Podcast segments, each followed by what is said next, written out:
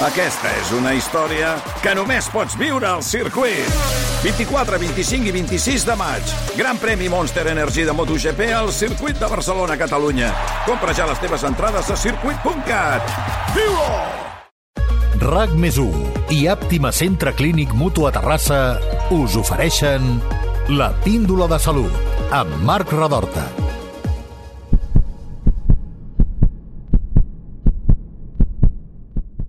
Tens un mioma lúter. La frase és més habitual del que sembla. De fet, l'escolten una de cada dues dones en edat fèrtil. Un mioma és un tumor format per cèl·lules musculars i altres teixits que creixen dins i al voltant de les parets de l'úter. La bona notícia és que és un tumor benigne i no cancerós. La mala notícia és que en funció de la quantitat de miomes detectats i de la seva mida poden alterar molt la qualitat de vida de les dones. Fins fa pocs anys, els casos greus de miomes només es podien resoldre amb intervencions que requerien l'extracció de la matriu i que privaven a les dones de la possibilitat de ser mares. D'uns anys ençà, una nova tècnica permet, en molts casos, resoldre aquest problema amb un tractament ràpid, eficaç i amb poquíssims efectes secundaris. El tractament es diu HIFU i, malgrat ser una tècnica recent, ja ha ajudat a moltes dones a superar una situació molt problemàtica.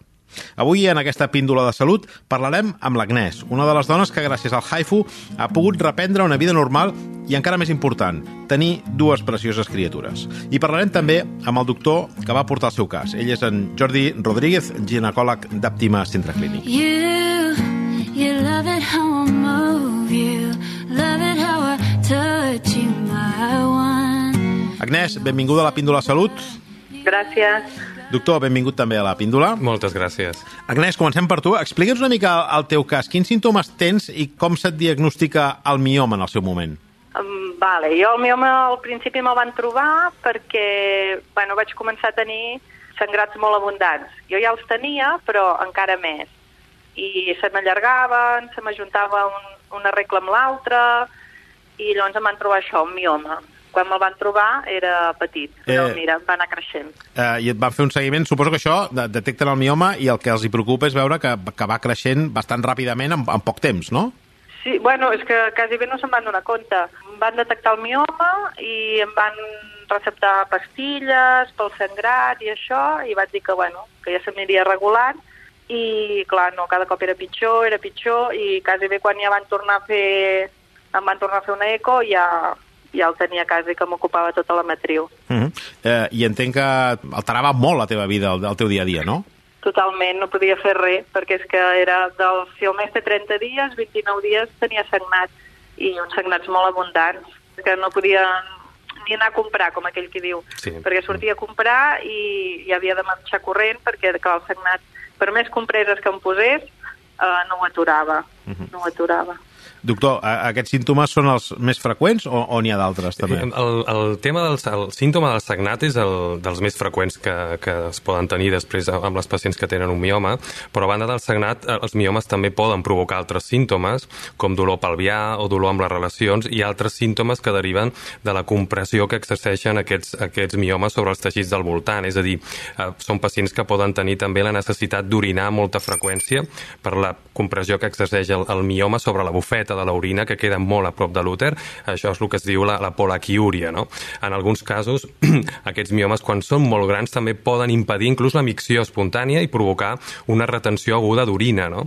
Uh, de vegades, la, la compressió aquesta sobre el budell, sobre els intestins, també poden provocar un restrenyiment i el que es diu com, uh, tenesme rectal. Això què vol dir? Això són les sensacions uh, de, de ganes d'anar al lavabo a fer de ventre, però que no s'aconsegueix defecar. No? Això és un símptoma molt molest i que impacta molt en la qualitat de vida de les pacients. No, no oblidem també que també poden ser causa d'infertilitat i, i d'avortaments de repetició en algunes pacients, no? Uh, I tot això s'ha d'explicar i s'ha de dir a aquestes pacients que comenten i que consulten d'entrada per un mioma petit amb molt poca sintomatologia, però que amb el seu creixement poden donar aquestes, aquestes problemàtiques, no?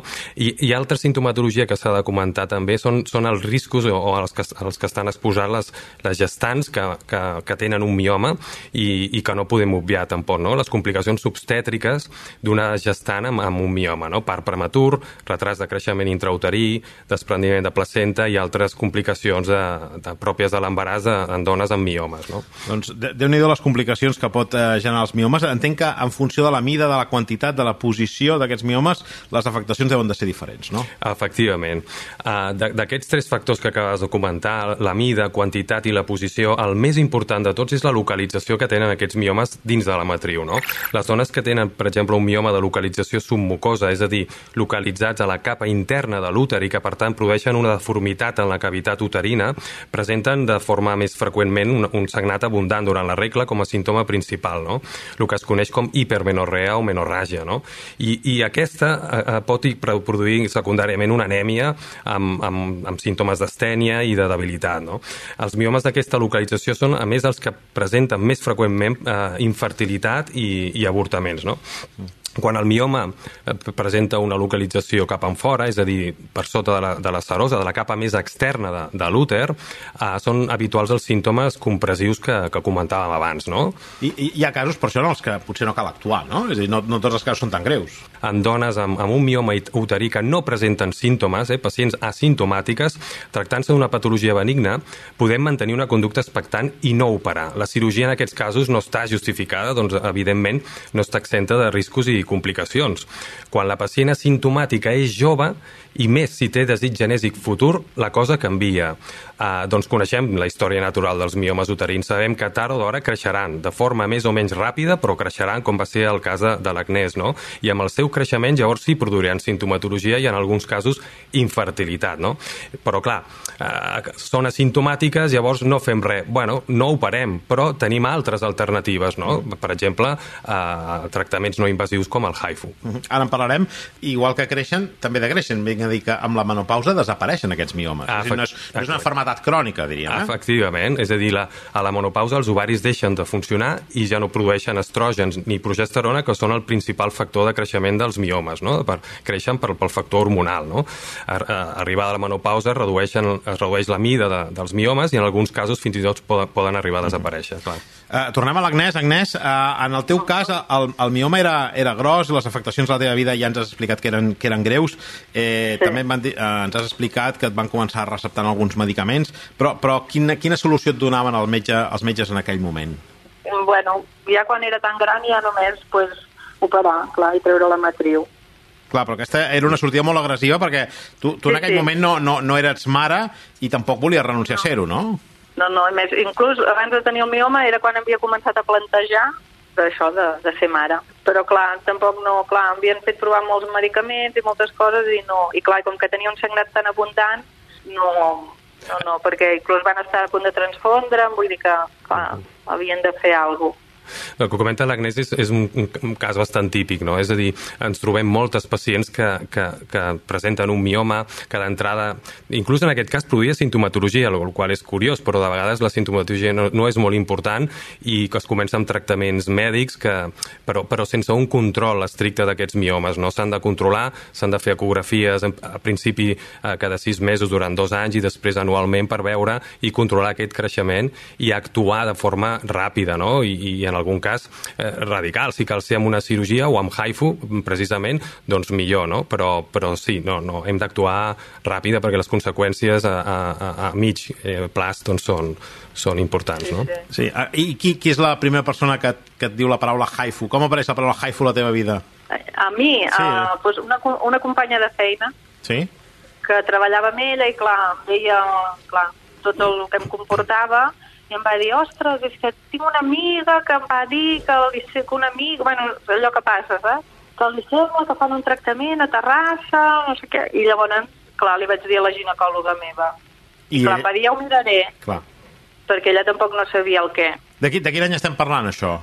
Això devia ser el 2000, 2011, Ah. 2011-2012. Clar, Això feia poquíssim que el haifu era una tècnica que estava implantada, Correcte. implantada aquí. De fet, uh, haifu són les inicials de High Intensity Focused Ultrasound, però, uh, doctor, en què consisteix exactament aquesta tècnica? Sí, la tècnica HIFU, com el, com el seu nom indica, consisteix o consisteix en ultrasons d'alta intensitat que travessen la paret abdominal i es focalitzen en un punt en profunditat, produint un increment de la temperatura per, per sobre dels 50 graus. aquesta temperatura la mantenim durant un segon o més per aconseguir la destrucció dels, dels teixits seleccionats, no? Com, com si els funguessin. No? Ah, efectivament, com si els funguéssim, no? Eh, això costa una mica d'imaginar com funciona i, i per, per fer-los entendre als nostres pacients en què consisteix la tècnica HIFU, sempre els hi posem l'exemple d'aquell experiment o joc que segurament molts dels que ens escolten han, han fet alguna vegada de petits i que és intentar cremar una fulla seca amb una lupa concentrant els raigs solars, no? Uh -huh. Com sabeu, si en el moment que s'està cremant aquella fulla passem la nostra mà entre la fulla i la lupa, no patirem cap lesió a la mà, no? Eh, doncs succeeix exactament igual amb la tecnologia HIFU, és a dir, es produeix lesió en el punt focal seleccionat on convergeixen tots els feixos d'ultrasons, és a dir, en el mioma, però no en els teixits previs travessats per aquests, no? Uh, de manera que, que, que és molt segura i, i els teixits del, del voltant i els, els teixits previs al, al punt seleccionat s'escalfen, però no a temperatures, diguem-ne, citotòxiques, no, no lesives. No? I, I això es fa des de fora al cos. Efectivament. No, no, no és invasiva en aquest sentit, eh, la tècnica? Correcte, mm. és, és des de fora del cos. I, I és indicada per a tots els casos o hi ha excepcions? Uh, bé, com totes les tècniques, té una sèrie de, de limitacions, la tècnica HIFU. Al tractar-se d'un procediment que es guia, es monitoritza mitjançant ecografia abdominal, uh, és a dir, l'aparell la, la, que emet els ultrasons d'alta intensitat té incorporada i inclou una sonda ecogràfica en el centre que ens permet veure-hi, que ens permet guiar, guiar el tractament. No? Uh, doncs, evidentment, tots aquells factors que limitin la visualització ecogràfica del mioma invalidaran aquest procediment. No? Per exemple, l'obesitat, no? una capa de greix molt important pot dificultar i molt la, la visualització ecogràfica del mioma. I si no hi veiem, no podrem tractar. Ah. Aquest fet que sembla tan, tan, tan lògic, doncs diguem-ne que és el, el factor depenent de pacient més important de la tècnica HIFU, la, la obesitat, el greix abdominal. No? Um, després hi ha altres factors limitants relacionats més amb el tipus de mioma, no? amb la seva histologia. Um, però això no vol dir que no puguin ser tractades aquestes pacients amb, amb aquestes limitacions, sinó que la probabilitat d'aconseguir la destrucció total del mioma és molt més baixa. No?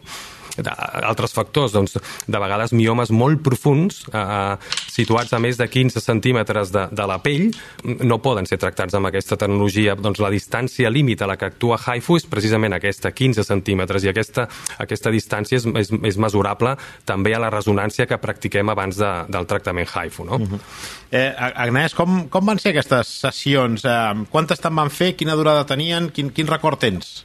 Uh, me'n van fer dues i record, bueno, no gaire, perquè com que t'adormen, no... Bueno, recordo bé, saps? Vas allà, bueno, t'adormen, surts i no, no notes ni dolor, ni... Bueno, almenys en el meu cas jo no vaig, no vaig tenir cap, cap símptoma ni de dolor, ni de mm. trobar-te malament després, ni res. Sí, no és ben bé adormida, evidentment, eh, és una sedació conscient, la pacient està molt relaxada, sí, és veritat que en algun moment sí. pot adormir-se, però com diu l'Agnès, però no ens interessa. Nosaltres volem eh, mantenir un, un feedback, una comunicació constant amb, amb la pacient, doncs per, per, eh, evidentment, estar alerta de totes les sensacions i molèsties que hi pugui notar. Precisament per això també és un dels factors que fan que la tècnica HIFU sigui molt segura, no? perquè és conscient, és una sedació conscient. I en el moment que esteu aplicant la, doctor, en el moment que esteu aplicant ja la tècnica, diríem que esteu fent la, la utilitzant el, el HIFU, sí. el tractament, vosaltres esteu veient com va allò? És a dir, ja veieu la reducció a temps real del, del mioma? Mm, no, no és exactament això, és a dir, el que veiem són els canvis que es produeixen en el mioma en el moment que, que es crema, que es destrueix, no? Hi ha uns canvis, l'eficàcia del tractament intratractament es valora a partir d'uns canvis ecogràfics eh, eh, en l'escala de grisos, que diem, no? És a dir, el mioma es va posar en blanc a mesura que es va cremant, no? I, i, i quin és l'objectiu? Doncs aconseguir blancs, aconseguir necrosi destrucció en la major part del, del mioma, no? I com, com i quan sabeu que la cosa ha anat bé? Sí, de forma immediata podem saber eh, en molts casos que el tractament ha anat perfecte, és a dir, quan aconseguim veure el mioma ecogràficament tot blanc en, en gran part del seu volum, doncs sabem que ha anat mm, perfecte no? i que el tractament ha estat exitós. De vegades aquests canvis ecogràfics no són, ben, són tan clars, no? és a dir, que i, i necessitem una resonància magnètica després del procediment, uh -huh. una resonància amb contrast que ens permet veure l'àrea d'ablació, l'àrea de destrucció. No? Uh, bàsicament són aquestes proves, ecografia i resonància després del tractament i de vegades inclús també tenim la possibilitat de posar un contrast ecogràfic uh, durant el tractament per veure l'àrea d'ablació. No? I, i, I presenta algun risc aquesta tècnica? Uh, evidentment, tot tractament té un risc, però el que podem dir amb tota seguretat és que la teràpia HIFU és un procediment amb molt baix risc, no? amb molt segur, encara més si el comparem amb la cirurgia convencional, que seria l'extirpació o histerectomia eh, o, o la miomectomia, no? perquè la principal avantatge del HIFU és precisament que tracta es tracta d'un procés absolutament no invasiu, doncs no requereix d'incisions o puncions a la pell per fer arribar l'energia dels ultrasons en el mioma. No? no és un procediment quirúrgic com a tal i, per tant, no es produeixen eh, les complicacions més pròpies de, de la cirurgia, com són l'hemorràgia o les infeccions. Això no passa amb HIFU. No hi ha hemorràgia, no, no sagna la pacient i no hi ha infeccions eh, post, posttractament. No? La, una complicació que sí que veiem de vegades, però és molt infreqüent, entre un 0,3 i un 3%, és la lesió de la pell pell per cremada. Ah. Però estem parlant de, de lesions petites a la pell de l'abdomen de primer, màxim, segon grau, que cursen sense seqüeles en, en pocs dies. I és molt evitable, doncs la pacient, com dèiem, està desperta, de manera que, que pot notar en tot moment si aquella pell, pell es, va, es va escalfant, la podem refrigerar i canviar alguns paràmetres per evitar precisament la, la lesió dèrmica. No? I, i, i l'índex d'èxit d'aquest tipus, dir, posem el cas d'una persona que a priori compleix amb els requisits doncs, per poder ser tractada amb, amb HIFU. Quin és l'índex, quin és el percentatge d'èxit d'aquest tipus d'intervenció? Sí, a veure... Aproximat, eh? Sí, la resposta no és fàcil, doncs evidentment eh, la població amb miomes és molt heterogènia, és a dir, tenim pacients de tot tipus, pacients amb un mioma, pacients amb quatre, les que tenen un mioma tampoc mai són iguals, un és més gran, l'altre més petit, l'altre més vascularitzat i és complicat fer, fer, fer afirmacions d'aquest tipus. Però és veritat que qualsevol tècnica ablativa que pretén destruir un teixit sense extreure'l, l'eficàcia mai pot ser del 100% uh, però passa igual amb altres tractaments ablatius, no? Uh, però sí que és veritat que amb, els casos uh, ben indicats l'eficàcia s'apropa al, al 90%. Eh? Parlem de dones amb miomes únics, màxim de 3, uh, de fins a 10 centímetres, no més, amb una histologia favorable, com dèiem, i, i de grau de vascularització mig o baix. No? En aquests casos, que compleixen aquests criteris, l'eficàcia és, és, és elevada, prop del, del 90%, i, i tenim èxit en, en, en proporció molt pues, elevada. déu nhi uh, Hi ha una cosa que no hem comentat, però és que de, de la, la màquina que s'utilitza per fer el HIFU no està molt extesa, és a dir, em sembla que l'única que hi ha a l'estat espanyol és la que hi ha a Àptima Centre Clínic, és així?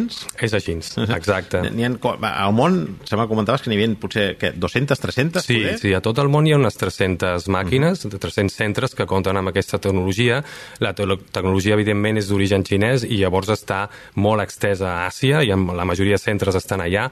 A nivell d'Europa hi ha unes, uns, uns 10 hospitals, pues, i contem Oxford, a Milà, a Bonn, a, a, a, aquí a Espanya, de Terrassa, la Mutua Terrassa, i també tenim altres centres. No?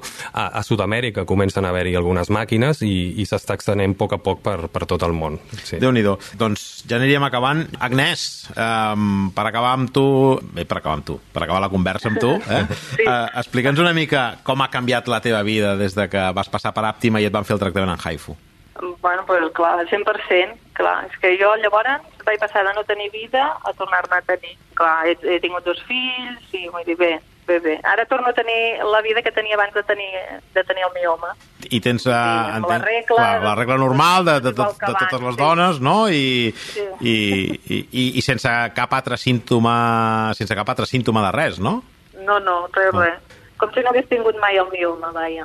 Bueno, també em van dir que l'igual em podia tornar a sortir, però bueno, de moment Exacte, aquí la possibilitat de que tornin a, sortir, això, això és real, és, és patent, eh, poden tornar a aparèixer miomes, però evidentment el HIFU és un, un procediment repetible les vegades que sigui, i el que fem amb aquest procediment i la gran avantatge és que evitem una cirurgia, no? És a dir, que i les cirurgies no, no estan exenta de riscos, com, com hem dit, no? Llavors és molt important poder oferir un tractament el menys invasiu, perquè la cirurgia sempre la tindrem allà. el pla B, el pla B sempre el, el tindrem, eh? El pla B sempre estarà allà per resoldre els casos que, més complexes o que no es puguin resoldre amb Haifu. Per tant, entenc que els dos, tant el doctor com, com l'Agnès, recomanaríeu com a mínim que la, persona que se li diagnostiquen uns miomes que contempli, pregunti, eh, s'interessi per aquest eh, tractament abans de abans d'afrontar altres alternatives més, més invasives. Ah, exactament, no? exactament. Primer informar-se i, si, i si és un cas que encaixa per la, per la tècnica Haifu, doncs, doncs endavant. Jo les animaria que preguntessin per aquest tractament, clar. Molt bé, doncs, Agnès, moltíssimes gràcies per compartir el teu testimoni ah, amb nosaltres. A vosaltres, Molt bé. gràcies. A, a tu. I doctor Jordi Rodríguez, ginecòleg d'Àptima Centre Clínic, moltes gràcies també per venir i per explicar-nos els grans beneficis que porta aquesta innovadora tècnica pel tractament dels miomes. Moltes gràcies a vosaltres, Marc.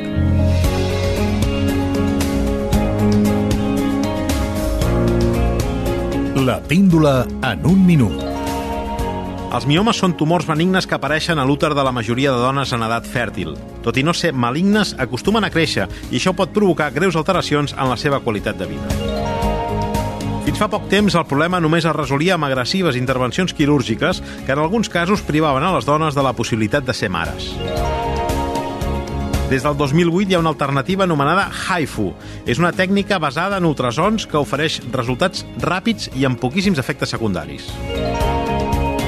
A Europa només hi ha 10 centres que ofereixen aquest innovador tractament i només un a l'estat espanyol, Àptima Centre Clínic Mutu a Terrassa.